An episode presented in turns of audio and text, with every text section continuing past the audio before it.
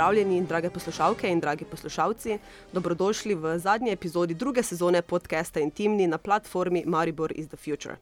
Nahajamo se v studiu Europe Radio. Uh, trenutno v mestu poteka festival Lent, v sklopu katerega se v GT2 odvija Focus Zagreb.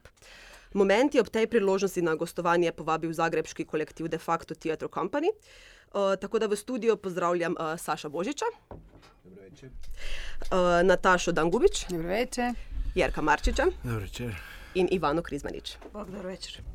Uh, dober večer in pozdravljeni tudi z moje strani. Uh, aha, pogovor pa bo potekal v mešanici slovenskega in hrvaškega jezika. Najprej bi predstavila uh, kolektiv. Uh, de facto je umetniška organizacija, ki sta jo leta 2008 zasnovala Saša Božič in zdravka Ivandija Kirigin. Kolektiv ustvarja predstave, ki se gibljajo na meji med gledališčem, plesom in performancem, pri delu pa sodelujejo z umetniki in organizacijami iz celega sveta, recimo z Bitev teatrom, eh, Kampo, Zagrebačkim kazališčem mladih, eh, Društvom Pekinpah in drugim. Eh, V svojih predstavah večinoma preizprašujejo možnost prehodnosti izvajalca znotraj neke strukture, na vides raznolikih modusov izvajalskih režimov. Um, to sem pre, zva, z Blažem sva to prevajala iz um, spletne strani, upam, da je bilo uh, koliko toliko. Oh, okay. Dobro ste preveli. Oh, hvala, hvala. Uh, no, in zdaj, ko približno um, vemo, uh, kako je kolektiv nastal, uh, bi vas prosila, če povete, kako se je širil uh, in razvijal v nadaljnih 11 letih.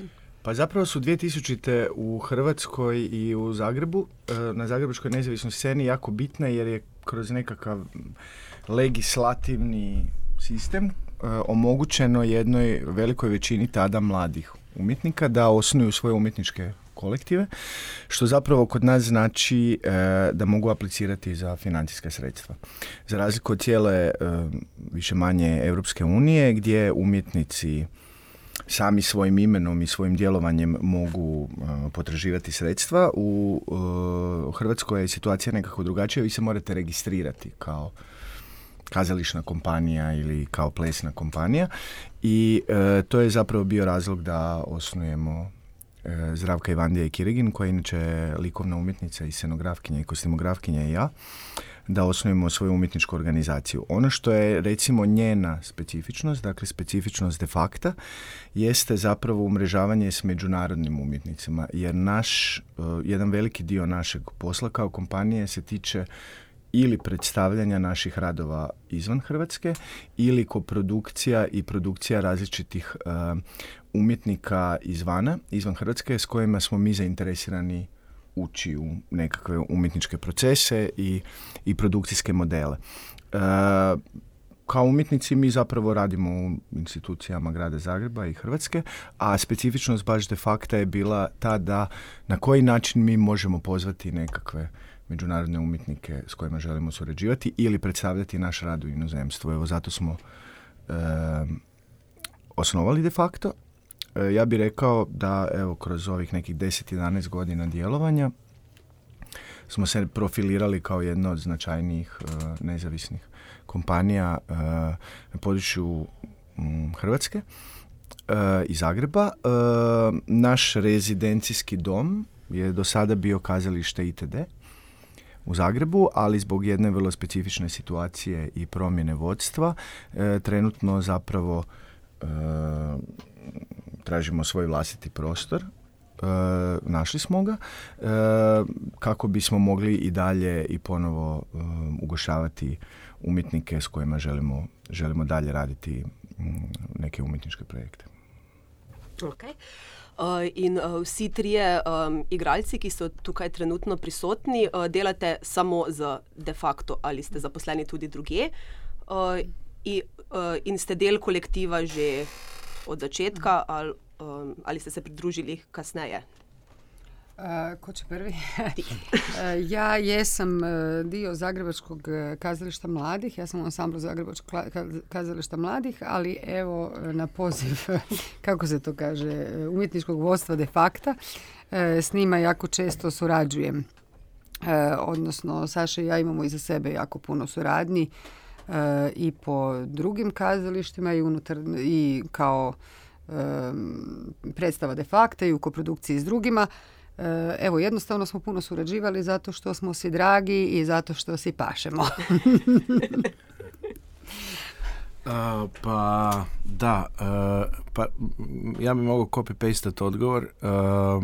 ja sam isto sada zaposlenik kazališta Kerempuh, do, do nedavno kazališta HNK Ivan Plementi Zajec Rijeka ali nekako Sašu znam sa još fakulteta i dijelimo neke, neke slične poglede oko kazališta i, i neku želju za, za istraživanjem i probijanjem nekakvih e, formi na koje smo navikli, tako da zapravo je bio prvi naš projekt zajednički. E, kao tebe sa redateljem, a inače imamo nekoliko projekata zajedničkih e, gdje si bio i dramaturg, ne? Ali smo zapravo zajedno se e, jako puno družili i, i nekako mm, neki osjećaj da, da, da pripadamo zajedno u tom nekom načinu izražavanja, stvaranju i, i, i mišljenju i kreiranju itd. Da, i, i, i da, eto, toliko za sada. ja sam eh, freelancer, mhm. slobodna umjetnica, kako se to već kaže. Um, ali sam dosta puno radila u ITD-u i tamo bi dosta često susretala Sašu uh, uh, kad bi on radio neke druge svoje predstave i tako dalje. Ali nismo nikada radili do sad zajedno, tek ovo je moj prvi zajednički projekt sa Sašom, dakle predstava Born to Please i zapravo koliko se ja sjećam ja sam se čak njemu javila mhm. za neki rad, za neku suradnju, ali tada uopće nisam znala da on sprema ovo i on je pristao i pozvao me i tako smo krenuli u Born to Please. Da, mislim da je samo dosta, dosta bitan uh, uh, uh, keyword tu teatar ITD, jer je to bilo zadnjih 10 godina, ako ne i više, 15 uh, okupljanje i jedna platforma u kojoj su mladi umjetnici mogli stvarno eksperimentirati, stvarati neki zajednički izričaj, stvarati neku estetiku i onda je polako uh, pretvarati u neko svoje bazično, bazično izražavanje. Tako da zapravo se nama dogodilo da kroz tih 15 godina smo našli zajednički, zajednički jezik, zajedničku formu, zajedničku želju da, da razvijamo nekakve e, da se susretnemo sa različitim temama, međutim evo prije, prije sada već godinu dana se dogodila ta jedna promjena u kojoj smo ostali e, bez svoje kuće. Bez svoje kuće, zapravo na na, našom odlukom, jer na, ne možemo naći zajednički jezik sa, sa sadašnjom vlasti. Ovaj, sada ne, ne tugujemo na radiju Slovenija jer možda se to ljudi ovdje ne tiče, ali Hrvatska je te, gubitkom tog prostora izgubila, e, to je bio jedini takav prostor u Hrvatskoj u kojoj su mladi umjetnici mogli doći, ponuditi svoj projekt, e, dobiti neke uvjete skromne, ali normalne e, i ostvariti neke produkcije i Teatar ITD je kroz zadnjih 15 godina ostvarivao po meni, a i po mnogima najzanimljivije projekte u Hrvatskoj, ali evo sad se ta vlast promijenila pa će očito raditi kao druge institucije. To je njihov izbor i tu mi ne možemo za sad ništa. I tako. E, ja bih samo pripomenuo da je Teatar ITD bio koproducent e, predstava u ciklusu On Entertainment koje se sada prikazuju, prikazuju u Mariboru u sklopu znači, festivala. i Boljeg života. I Boljeg života. Dvije od tri predstave je koproducirao Teatar ITD i to unutar E, sredstava Europske komisije, dakle unutar e, projekata koje e, potiče Evropska unija. Uh-huh. Ok. Uh, pa gremo zdaj še na, trilog, na trilo, trilogijo. Uh, dva dela smo že videli, uh, to sta bila Folk Acts včeraj in pa Born to Please uh, danes. Uh, jutri nas čaka še sklepno dejanje, uh, A Good Life, oziroma v prevodu je bolji život uh -huh. in je tudi edini prevod, ki, pre, edini del trilogije, ki je preveden. Uh, je to um, na ključu, oziroma s kakim um, vem, konceptualnim uh, razlogom se je zgodilo, da je. Um, ja. um, ne, um, naslove smo zapravo birali. Uh, po tome uh, koja je nekakva konceptualna odrednica ili, ili sadržajna odrednica svakog od ta tri dijela, dakle cjelokupni taj proces je zapravo neki istraživački proces i okupljen je pod nazivom on entertainment, dakle o, o zabavi ili o zabavljaštvu, ali u nekom svom dubljem smislu uh, on uh, se bavi odnosom između glumaca, plesača, izvođača, performera i publike. Dakle, njegova osnovna zamisao jeste da istraži i da nekakav ontološki okvir što se zapravo događa u susretu između publike i izvođača. Dakle, naglasak je najjednostavnije da izvođači ne komuniciraju međusobno nego sa publikom. To je bila neka polazišna točka, ali to nisu prvenstveno interaktivne predstave, nego su, včeraj, ja. nego su to predstave koje zapravo angažiraju publiku na jedan drugi način i razlažu određene teme. Dakle, mi smo se odlučili u tim našim istraživanjima, koje traju sad već četiri godine, e, istražiti te neke pomalo zanemarene forme uh kazališne, kao što su kabare, vodvilj, Uh, i uopće neko uh, stand-up. Mhm. Dakle, nešto što parazitira na rubovima mainstream teatra. I to su obično takozvane niske forme, dakle zabavljačke, mhm. koje e, su pitanje koliko su kazališne, a mi smo im s jedne strane htjeli dati nekakav eksperimentalni oblik i dignitet, da, eksperimentalni dignitet i uopće vidjeti što je s tim formama danas i koliko oni nas kao umjetnike, kao izvođače u jednom isto uh, tipu teatra kao što je eksperimentalni teatr koji isto na rubu egzistencije. Uh, ovaj, uh, što za, kako se mi možemo hraniti tim nekim zabavljačkim formama. Tako je nastao cjelokupni projekt. S obzirom da je prvi dio se zove Born to Please jer se zapravo bavi načinima na koje na koji e, glumci i performeri e, mogu zabaviti publiku izvedbom recimo žanrova velikih spektakularnih koncerata ili muzičkih događanja kao što su Eurovizija, MTV. Dakle, da li, da li izvođač sam na sceni može nadomjestiti raskoš i E, financijski ulog koje, koje, takve, koje takvi spektakli imaju. Ne? Kako on svojim ili ona svojim tijelom i svojim nekim iskazom može nadomistiti sve ono što ti spektakli imaju, a suvremeno eksperimentalno kazalište naprosto si ne može dopustiti. Drugi e, dio tog e, istraživanja se zapravo bavi, bavi recimo to fenomenom turbo folka E, kao specifične kulture mladih danas u Zagrebu, ali i nekom širom, širim odnosom između opet e, niskog žanra kao što je turbo folk i visokog žanra kao što bi to bila recimo jedna elitistična avangardna eksperimentalna umjetnost. I suprotstavlja glumicu, jednu glumicu, Natešu Dangubić i e, najstariju kako ona sebe voli zvati, najstariju kafansku pjevačicu u Zagrebu, Višnju Vitez. A treći dio je posve različit od, eh, od prva dva dijela. Mm, a njegov naslov Bolji život, za sad bih samo, da ne gnjavim dalje, rekao da se referira na poznatu jugoslavensku seriju s kraja 80-ih eh, istog, istog naslova. Evo. Možeš li reći zašto? e, mogu, to će potrebati.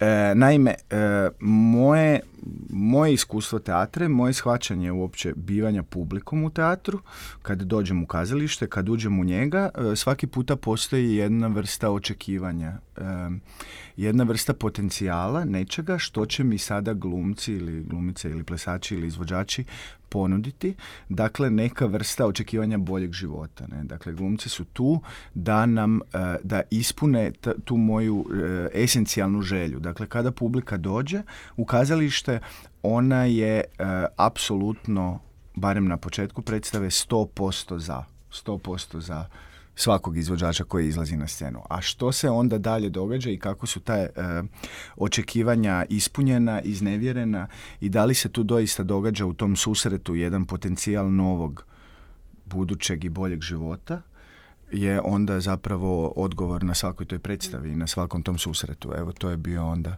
neka polazišna točka. Što se zapravo, koja vrsta esencijalnog povjerenja se događa između nas kad uđemo u kazalište i glumaca na sceni. Evo time smo se nekako kao sintezom tog istraživanja htjeli baviti u trećem dijelu. Um, kako dolgo pa je nastajala uh, cela trilogija, ker so v bistvu tri samostojne predstave, ki uh, ste jih povezali skupaj. Pa, um, zaseda pa se večina. Uh, Pa je sicer bolj ali manj enaka, ampak uh, uh, del uh, vseh treh predstav sta pa samo uh, uh, vidva, Saša in uh, Nataša. Pa bi uh, Nataša še tebe um, vprašala, um, kak je bil uh, uh, proces, uh, kako dolgo ste recimo delali na um, eni predstavi, um, koliko od tega je bilo vaj v prostoru, koliko pa research? Uh, mislim, uh, različito smo radili na predstavama, uh, ali red, zanimljivo je da smo recimo na Born to Please radili samo devet dana. E, da, Born to Please je nastao kao projekt jedne radionice koju smo imali u Dubrovniku e, i koje, u kojoj smo trebali nakon devet dana prezentirati to što smo smislili, napravili. Imali smo zadanu temu, e, Saša nam je zadao, mislim zapravo je, smo se bavili šta kad je izvođač izmješten iz svog glavnog, pale mi riječi, dakle, iz svog glavnog posla, da, svoje, ovaj, dakle, kad glumac pjeva i tako dalje i kako se to može sve tematski povezati. Svako od nas je napravio neku E, moguću viziju, e, ne, ne, neki mogući e, performance čime bi se unutar toga bavio. E, tako da su oni, to, to, su četiri zapravo dosta zasebna dijela, ja bih rekla. Svaki je pristupio tome na, na, na svoj način. Međusobno smo se podržavali i Saša nas je vodio. E, jedni za druge smo navijali, ali uglavnom nakon devet dana je nastalo nešto što se, bar meni čini, da je, rezultat je bio vrlo zanimljiv. I onda smo se sastali u Zagrebu i odlučili od toga napraviti predstavu, jel? I imali smo još nekih 7-8 dana proba i to je bilo to. Znači, Born to Please je nastao u vrlo kratkom roku, što se za Folk Acts ne može reći zato što je... za Folk smo stvarno išli kroz jedno ozbiljno recimo istraživanje uopće čime bi se, s obzirom da nam je tema bila nametnuta, e, pa da, mislim, e, Turbo Folk kao tema nije nešto čime smo se mi u životu željeli baviti, nego je došao producent i zamolio nas da o tome napravimo predstavu, pa smo naravno istraživanje išlo u tom smjeru čime uopće da se bavimo e, kad radimo jednu temu o kojoj ništa ne znamo i koja nas zapravo ruku na srce ne zanima, jel? Nismo nikad to poželjeli, tako da je to istraživanje zapravo se uglavnom svodilo na tome čime, čime bi se mi uopće u toj predstavi bavili. E, što ja i govorim na početku u svom monologu, e, kako je to otprilike išlo i to što govorim je uglavnom 90% istina. E, to je malo uobličeno da je bilo duhovito, ali ta muka i ta nevolja je trajala dosta dugo. E, i, ovaj, I onda kad smo nekako odredili temu, već smo obišli sve folk klubove grada Zagreba i već smo naučili jako puno narodnjaka i već je to sve Ovaj, ali je jako važno bilo da je to zapravo susret e, dvije izvođačice na sceni koje dolaze iz sasvim drugih područja, a ne e, zapravo folk act. Jer bi bilo vrlo, la, ne zapravo turbo folk, jer bi bilo vrlo lako reći svoj stav o tome i mislim napraviti jedan ono kritički uvid u stvari, ali to nas bilja nije zanimalo da se na bilo koji način ironično odnosimo prema temi koju već radimo, jel? a bolji život, evo to bi mogao recimo Jerko malo pričati. Pa, Mogu samo nešto dodati prije nego što ti kreneš. Dakle, nisam e, sumnjao. Prije nego što smo krenuli u taj proces, ja sam, Saša me pitao šta je tvoja želja, šta bi ti bila na sceni. Ja sam rekla da je moja želja da se u predstavi ne pojavim. I evo, donekle mi je to ispunio. Dakle, cijeli naš plan je bio da igram predstavu, ali da ne moram izaći na scenu. Nije mi do kraja to ispunio, ali jednim dijelom on ipak je uvažio moju želju s obzirom da dugo godina surađujemo. Evo sad. Da, pa ne, nešto što možda za mene spaja e, Born to Please i Bolji život je e, ta pronalaženje, odnosno čak ne pronalaženje, nego nošenje sa uh, rediteljskom uputom koja je uh, u, u ovom smislu um, uh, oba dve te predstave uh, dakle stvarno bila užasno jednostavna sa rediteljske strane i otvara jednu noćnu moru e, za izvođača, ali, ali opet zapravo pruža nevjerojatnu slobodu i opet e, sumnju u zašto si uopće pristao na, ta, na tako nešto. Dakle, em, Eksperimentiraš. da, da, da, ali s tim da eksperimentiraš sa, e, mislim, e, imaš e, ocat i sodu bikarbonu i napravi kocku. Mislim, ili da vidiš šta se može od toga napraviti. A svi znamo da se to samo pjeni. Dakle, e, dakle neki task e, tog prvog, e, prvog dijela je bio stvarno uzmi pet pjesama. tema je pleasing. Dakle, zadovolji publiku i mo- imaš pravo pjevati, govoriti, e, ispričati, e, odplesati pet pjesama. In katere, katerih pet pesmi si ti izbral? Pa, je, ne znam, da, to Ivana u svom monologu kaže, ne znam zašto sam ja izabrao te pjesme. A izabrao sam e, pjesmu um, koja se zove Mikrosvijet od grupe Boje. A, a, zatim se, grupa September, to je bench Bončina, a, i Ostavi trag, onda neki suludi mashup zapravo Nusrat Fateh Ali Kana i Eddie Vedera u izvedbi uh, Esbjörn Svensson trija. I zadnja je pjesma Lana Del Rey. Ja uopće ne znam da li smijemo to govoriti, budući da ne znam da li imamo pravo na to ili ne, ali smo, mislim da smo ih dovoljno uništili, da. Ono što je jako zanimljivo u tome da mi nismo imali niti vremena, niti mislim prava, što je jako dobro da mi to vježbamo. Dakle, u kazalištu smo suočeni sa time da moramo pjevati neku pjesmu i onda neki bolje pjevaju, neki loše pjevaju, ali onda dođe taj savjetnik za pjevanje, onda mi to vježbamo dva mjeseca i onda izađemo na scenu i svi to mi jako lijepo pjevamo. A ovdje se to nije dogodilo. Dakle, ovdje se dogodilo da s čim imaš tim. Imaš tim kimaš. tim Znači, neki od nas klimaš. stvarno nemaju sluha, neki od nas imaju jako puno. Da. Ali ovaj... Čekaj da, sad, ti si oprosti. govorila sve. Čekaj, polako. E, dakle, ono što, što nas dijeli od nekog talent showa je to da e, osim talenta mi nismo imali ništa, a sad je pitanje da li taj talent imamo ili ne.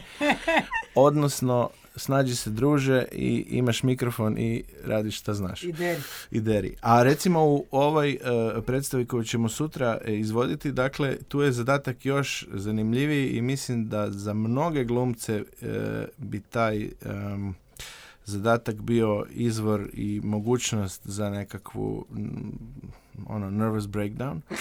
A to je a, Mnogi su pali. kaži pa napravi. E sad, kakva šta od- mislim, Obećaj e sad pa obećaj pa napravi, ali, ali dakle, evo sad, nek svako da si zamisli šta bi od toga moglo biti. I ono što je predivno da smo, e, mislim, ostali jako lojalni toj ideji, bez obzira na rezultat. Dakle, um, mislim, recimo da imamo sada novaca, prilike i da imamo recimo mogućnost da igramo sto puta tu predstavu. Bilo bi divno vidjeti na, na koji način se ona razvija, budući da ne igramo e, često iz e, tako razno raznih problema, najviše prostora zapravo je daljnji eksperiment se na neki način e, usporava i ali, ali evo, u suštini je to to. Dakle, vrlo jednostavni zadaci što mislim da je u nekom glumačkom smislu uh, užasno bitno da dođemo do toga da nema mistifikacije, da nema um, nekakvog filozofiranja oko toga, a, nego samo zapravo obećaj i reci. I napravi. Just do it. Just do it. Uh, Ivana, katere pesmi uh, si pa ti um, izbrala, um, Aha. glede na to, da si, um, so pokazali tebe, da imaš posluh, um, verjetno kaj um, zahtevnejša, Vivaldi mogoče. Em, Koje si izabrala? ko- pjesme koje sam izabrala. Da, da, da, da. E, pa izabrala sam, to su sve ljubavne pjesme. Ovoga, Fleetwood Mac, Big Love, uh, There's a Limit to Your Love u obradi od uh, Jamesa Blacka, uh, Islands in the Stream, isto obrada, uh, I True Love Will Find You in the End isto obrada od Beka. On je to obradio, mm originalu je neko drugi Daniel Johnston. Da. Keywords love. Da, da, sve su ljubavne, da, hashtag love, hashtag suffering, hashtag... Pleasing. Da, pleasing, crying i ostalo. Uh, zakaj pa ti ni všeč Jerkov izbor? U kom smislu Jerkov izbor? Kad kažeš u monologu da um, zašto je birao ove pesme. Aha, ne, ne, to ja kažem uh, uh, uh, za sebe. A, Na početku ok, ok. monologa kao nisam ni ja sigurna zašto sam odabrala kao Big Love od Fleetwood Maca za početak, kao niti zašto sam odabrala ostale pjesme. Tad kad sam ih birala sam znala, ali sad više ne znam. Kao sugeriram da se u međuvremenu desila nekakva promjena zapravo kao u nekakvom ljubavnom statusu, ajmo to reći, jer tad kad sam kad smo radili i na predstavi sam bila u toj nekoj varijanti. A mislim, a inače volim ljubavne pjesme. Pa Mislim, to je savršeno za entertaining i ono što kažem, da ljudi dolaze na takve koncerte i slušaju stvari i ljubavne pjesme i tako dalje, i tako dalje, ali... A, a, a i paralelno sam ispunila svoju fantaziju da kao budem na MTV-u i na MTV Unplugged i kao u spotovima. E, I to mi je dječja fantazija bila i glumačka, odrasla fantazija. E, nisam, ni- nisam nikada imala prilike ono, baš biti u kazalištu i pjevat. Uvijek dobiš neke te glupe zadatke, pjevaš uglavnom pjesme koje te zapravo negdje rijetko te zanimaju u predstavama. A pogotovo pop ili rock glazba ili šta god, ne, to, to, tako da je Saša tu dao otvorene ruke, stvarno si mogao ono, po svom ukusu ispucati se do kraja i to sam barem malo, malo e, iskoristila ovoga. Već imam i ideju za Volume 2, Born to Please Summer, ovaj, Summer tour. I to su sve onako m- m- vodenaste, akvamarinaste pjesme od Mobija i tako, svašta tu ima. Enja i tako, to je sve nešto. Imam, imam popis, nemam ga tu, ali sam doma napravila. Ali Da, da, zapravo, ono, zapravo ovo što ti kažeš kao da glumica koja igra Ofeliju kaže kad smo radili ovu predstavu ja sam stvarno mislila da se ubijem ali sad više ne znam zašto. upravo to, upravo to. A i još dodatni neki, ajmo reći, mislim, sloj na to se skupa je e, taj unutarnji konflikt. Da li da idem na scenu i izvodim ili ne. Mislim da je to e, nešto što je onak prisutno kod svakog glumca u principu u svakoj predstavi ili prije svakog izlaska na scenu. Nekad se bolje sjećaš, nekad loše, u principu barem ja uvijek imam te isto neki unutarnji konflikt, da li ja zaista. Samo sam nekako probala kroz ovo još to dodatno potencirati i ne znam, ajmo reći radikalizirati da, možda nisam to večeras dobro pokazala, ali u principu ti moji izlasci, ulasci, dolasci, bi, ne bi, to kolebanje, nekakvo emotivno stanje koje je kao teško ovoga. Pa na kraju ipak to prevaziđem i odlučim izvest. To je ono nešto što bi se dešavalo u glavi glumca, neka privatna drama prije izlaska na scenu ili pjevača, nemam pojma, na Euroviziji ili MTV-u, on dođe savršeno od pjeva, o, mislim ne kažem da se savršeno otpjeva, ali ono, ne vidiš što se dešava Da, prije da. izlaska na scenu, pa ja mislim da je s te strane i nekako i ovo što ja pričam negdje ono unutarnji monolog možda nekog imaginarnog bića koje se bori, a na kraju ipak izađe na scenu i dobro napravi to što napravi, eto. Okay. I, in po katerem ključu ste izbrali pesmi za folk acts, ker metodologija um, je bila izjemno natančna. Um, spoznavanje turbo folka, um, ne, moda. Pa nekako, kako smo birali pjesme za eh, folk acts? eh, Postoji jedan dio predstave koje mi nazivamo nadmetanje. U kojem, e, nadmetanje, mislim da da, u kojem, dakle, glumica i turbo folk pjevačica izmjenjuju određene pjesme. Zapravo je princip bio da se one nikad ne otpjevaju do kraja, točnije da završe u pola sloga ili u pola smisla ili u najavi nečega. E, ali ja sam im ostavio slobodnu volju. Nije bilo nekog konceptualnog određenja zašto baš te pjesme. Natašinu prvu, zapravo e, super, super, zanimljivo je da u predstavi koja je dosta imala nekakve medijske pozornosti zbog tog svog e, Zbog teme. Zbog teme, ne? Koja je, je li Zagreb u jednom momentu stvarno bio preplavljen odjednom preplavljen turbo folk kulturom i naravno da su došli ljudi očekujući da ćemo mi sada uh, ili uprizoravati tu turbo folk kulturu ili da ćemo nešto kritički se prema njoj odnositi. A mi zapravo uopće se time ne bavimo i čak smo i potencijalnim gledateljima turbo folka u kazalištu uskratili tu mogućnost, tako da se u predstavi jako malo pjeva. Zapravo jednu pjesmu otpjeva Nataša i jednu pjesmu Jednu otpjeva. Višnja. Koja nije turbo folk. Koja, da, da. Da, nekako smo taj baš turbo folk Potpuno smo e, zapravo izmakli. uspjeli izmakli, izbjeći, da.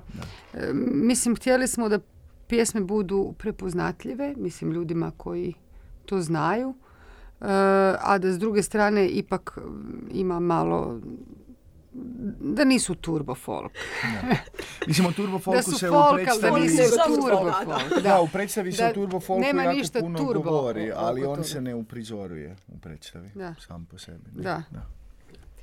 Uh, kot ste rekli že prej, se predstave znotraj trilogije uh, ukvarjajo z odnosom izvajalce, uh, med izvajalcem in publiko. Mhm. Uh, niso uh, interaktivne, uh, me pa zanima potem, koliko je v bistvu tu prostora oziroma potrebe po neki improvizaciji, ker verjetno vsaka publika ne odreagira isto. Naravno. Jer ko si dvignil roko. Da. Si. Pa, a, ne, ne znam da li da kažem jako malo ili jako puno. A, u principu ne. Mi imamo sadržaj jako određen koji, koji, koji govorimo i tekst koji je napisan na kraju krajeva. Ali je taj, taj moment kakva je publika ima prilik, odnosno nekako te zove na priliku da nešto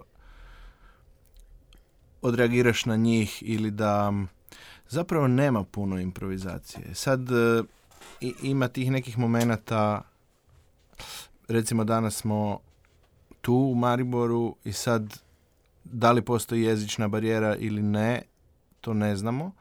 Nemamo podnaslove, nadnaslove, side naslove. I ovaj i sad e, da li da li ući u da li da ja govorim slovenski ili ne. I bilo bi super da ga govorim recimo cijelu predstavu, ali onda opet da li, mislim, dakle, klasična neka pitanja teatra, da li sad e, e, ići na to ili ne. E, dakle, tu, tu je neka odluka tvoja, za mene je bila nekako, e, neću ići u Pigeon Slovenian da radim e, show od toga, što bi bilo jako zanimljivo. I, i, i, i ali odgovor je zapravo jako malo ima prostora za improvizacije, odnosno ima e, mogućnosti da na cijelu stvar baciš neki šlag ako imaš priliku. Tako da, da, da se ta predstava i na taj način gradi, da, da ti vidiš ko je pred tobom. em, imamo različite e, izvedbe gdje su ljudi nas gledaju kao da smo potpuni idioti. Dakle, čekajte, zašto vi niste naučili pjevati? Zašto vi ovo nije neka totalna zabava? A imamo predstavu koja je baš suprotno, svi umiru od smijeha, vrište, smiju se i i na neki način kao da sretnemo ljude za koje smo radili, ne?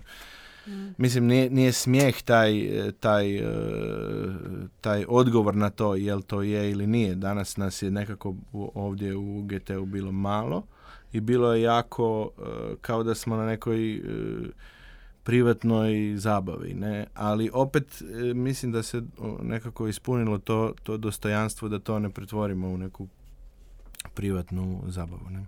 A opet smo i, i to i uspjeli. Čestitam. Um, glede na to, da ste uh, dolgo raziskovali material, um, um, ki ste ga uporabili potem v predstavi, uh, me zanima, če ste prišli na koncu do kakega sklepa. Um, kaj ste ugotovili o turbofolku, oziroma kaj, uh, kaj ste ugotovili o lastnih pričakovanjih do publike, ali pa kaj publika, si, česa si publika najbolj želi od vas. Ne znam. Pojma. Da, ne, Nećemo ne, još ne, ne, ne, ne, istraživati. zato što, zato što ne, e, stvarno je sva- svaki put je to nešto novo i, i nismo došli do toga šta bi to bilo, da, ne, ne, ne znam.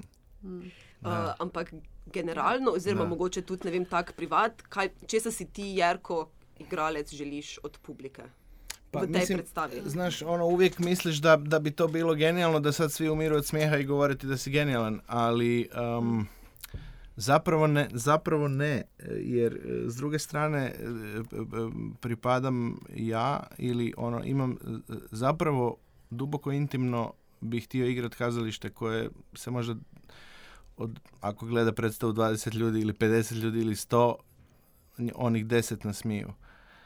Uh, ili sad da skrenem na, na, na, neke druge predstave, neke, radili, neke predstave smo radili sa, sa Oliverom Frilićem koje znaš da te svi mrze i baš je to super. I ova predstava je na neki način takva da, da ti guštaš u njoj i sad, a budući da ovdje se stvarno gledaš ljude jedan na jedan i onda imaš nekakav neku odgovornost ili ne, ne, neko, neko suosjećanje da ti ljudi nešto bi trebali ipak dobiti od tebe.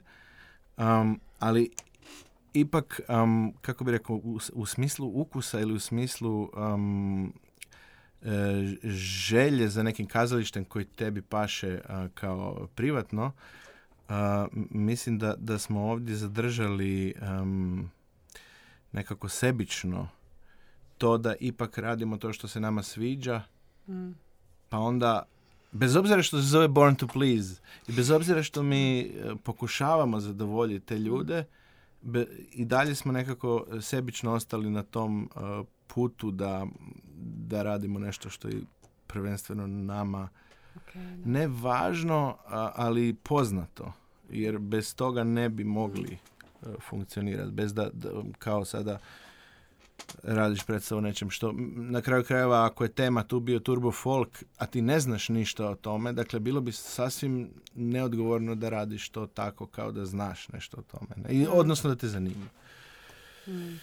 Tako da, ne znam, mi smo bili tu nekako lojalni sebi, pa možda smo tu gdje jesmo, zato ne znam. Ali, uh, apropo tog tvog pitanja, mislim, zapravo ta, uh, cjelokupni taj, uh, što bi bilo neki zaključak tog istraživanja, je zapravo pitanje koje je bilo i na početku, a to je zašto ljudi idu danas u kazalište. Dakle, koji je, koji je to ekstra plus teatra koji ga čini prostorom u koji ću ja još uvijek ići, a ne u kafić ili gledati seriju doma. Mislim, to su vrlo banalna i bazična pitanja, ali mislim da su jako bitna.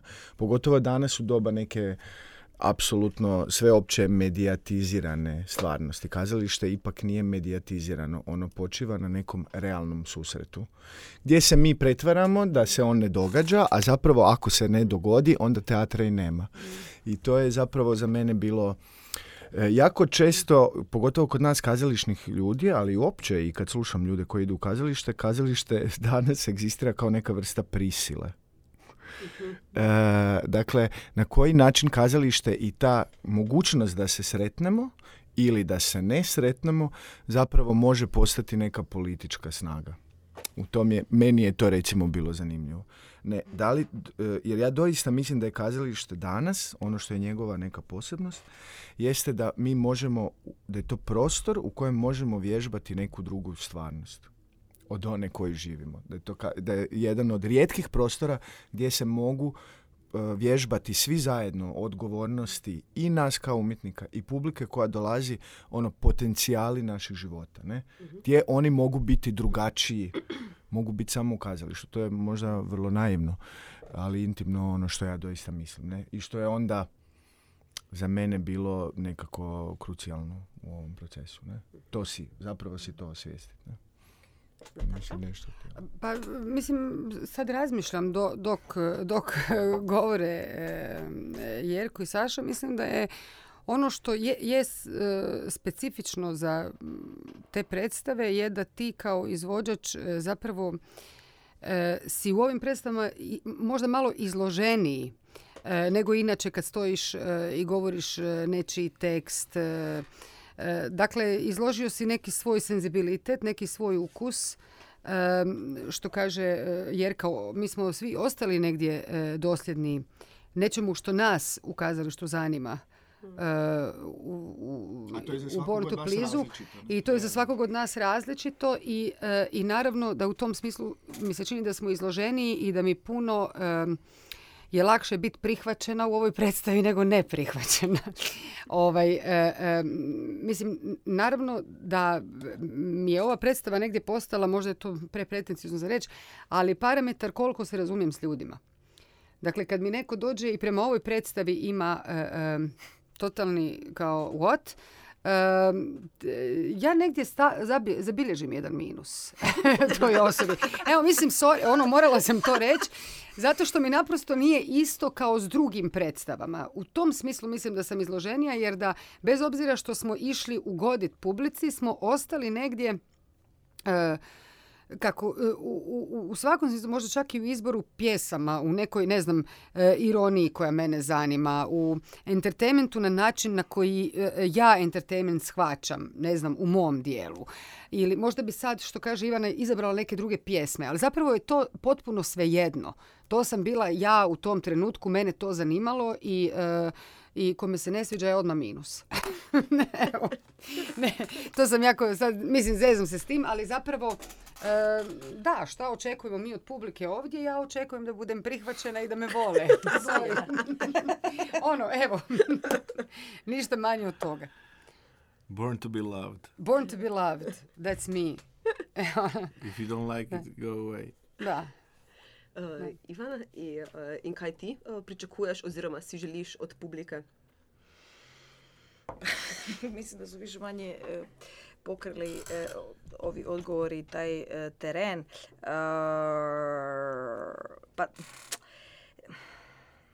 ne znam kako bi rekla sad to, Bože. Ja imam jednu, malo možda nije ču, ne znam reći ću, u Mariboru sam, neće niko znati u Hrvatskoj. Šalim se, ne. Ovoga, e, pa, e, apsolutno da, ovo, ta vrsta nekakve za mene pozitivne sebičnosti, ako već radiš iz sebe, iz tog trenutka, uz vlastiti odabir pjesama i rad na nekakvom sadržaju koji prezentiraš, da li kabare, stand-up, što god, onda apsolutno ti stojiš iza toga i ti si vlasnik toga i to je ono varijanta take it or leave it. U tom smislu je stvarno riskantno i hod je po rubu, ne naravno. Ovoga, ali, jer ovo što Nataša kaže, baš se ono, ogoljuješ u većoj ili manjoj mjeri i sad u tom smislu je riskantno. Ali iskreno, uh, naravno da se uvijek želiš ne znam, svidjeti ili da budeš prihvaćen, i da to ljudima bude dobro i zabavno i simpatično i ne znam šta, vrhunski ovako ili onako.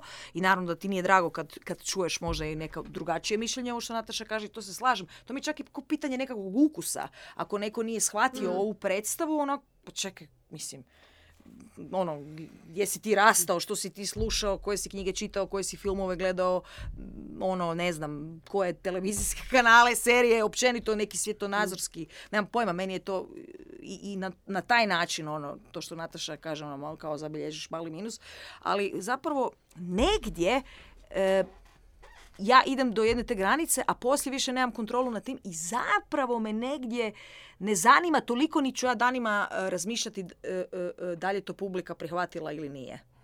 Kako bi rekla? Neću imati neprospavane noći zbog toga. Brinem do jedne granice mi je stalo, a poslije naprosto nije. Ma mi smo fašisti zapravo, ne? Da. Mi je to javno rekao. Nismo se htjeli predstaviti kao to, ali isključivi smo ljudi, evo da ne kažem fašisti. Ono, da, da. tako to je to.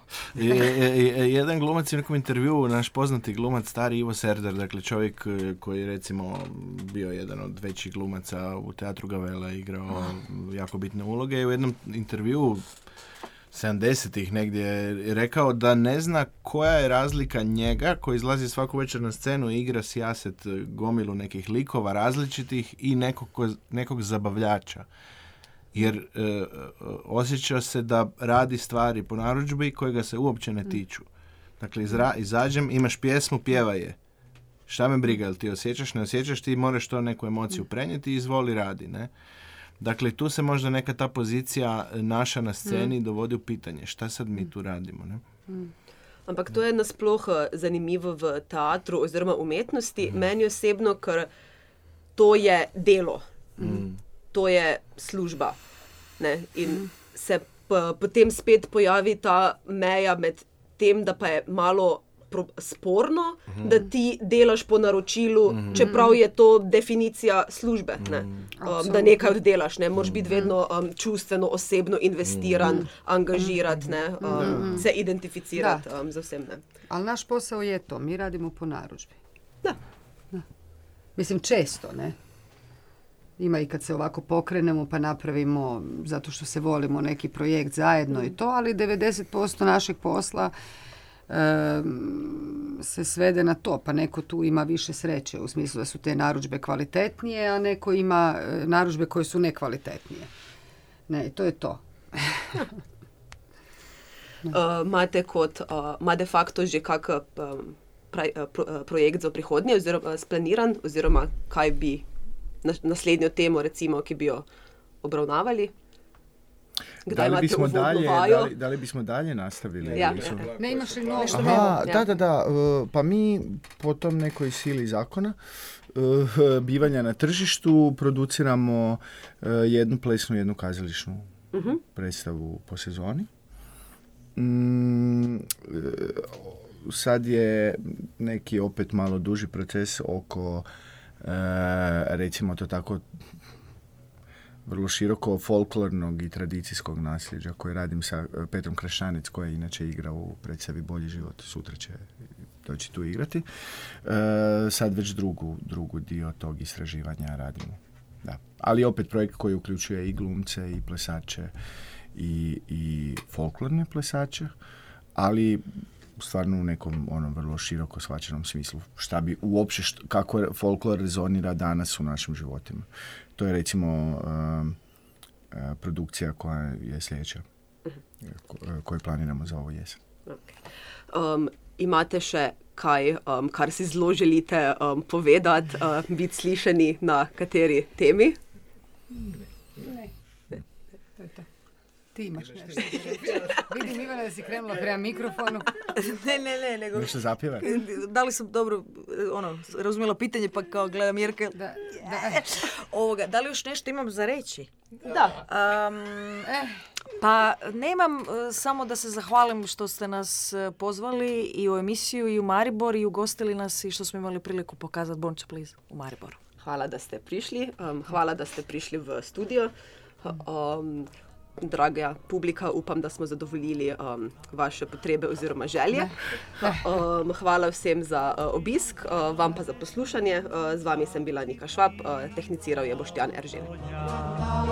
Rukama toplim od znova, da žanjemo žito.